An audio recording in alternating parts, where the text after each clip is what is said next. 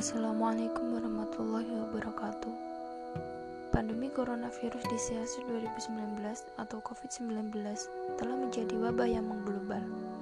COVID-19 telah menginfeksi warga dunia di berbagai negara tak terkecuali di Indonesia. Penyebaran virus corona terus terjadi di Indonesia. Ribuan orang telah dinyatakan positif dan ratusan orang dinyatakan meninggal dunia akibat virus ini. Karena menyebabkan banyak kasus kematian. Untuk saat ini, pemerintah memberikan kebijakan untuk tidak keluar rumah dan selalu menjaga kebersihan guna menghindari penularan. Hal ini ternyata sudah pernah terjadi di zaman dahulu.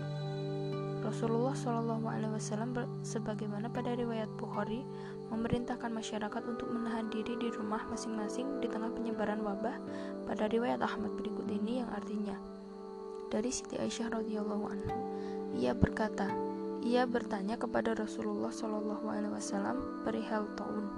Lalu Rasulullah Wasallam memberitahukanku, zaman dulu taun adalah azab yang dikirimkan Allah kepada siapa saja yang dikehendaki olehnya. Tetapi Allah menjadikannya sebagai tempat rahmat bagi orang yang beriman.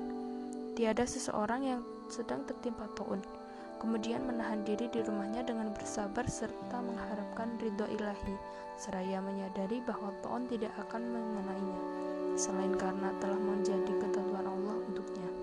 Niscaya ia akan memperoleh ganjaran seperti pahala orang yang mati syahid. Hadis riwayat Ahmad.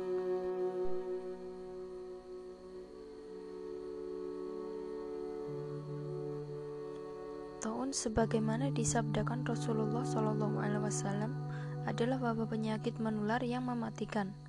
Penyebabnya berasal dari bakteri Pasteurella pestis yang menyerang tubuh manusia. Jika umat muslim menghadapi hal ini, dalam sebuah hadis disebutkan janji surga dan pahala besar bagi siapa saja yang bersabar ketika menghadapi wabah penyakit.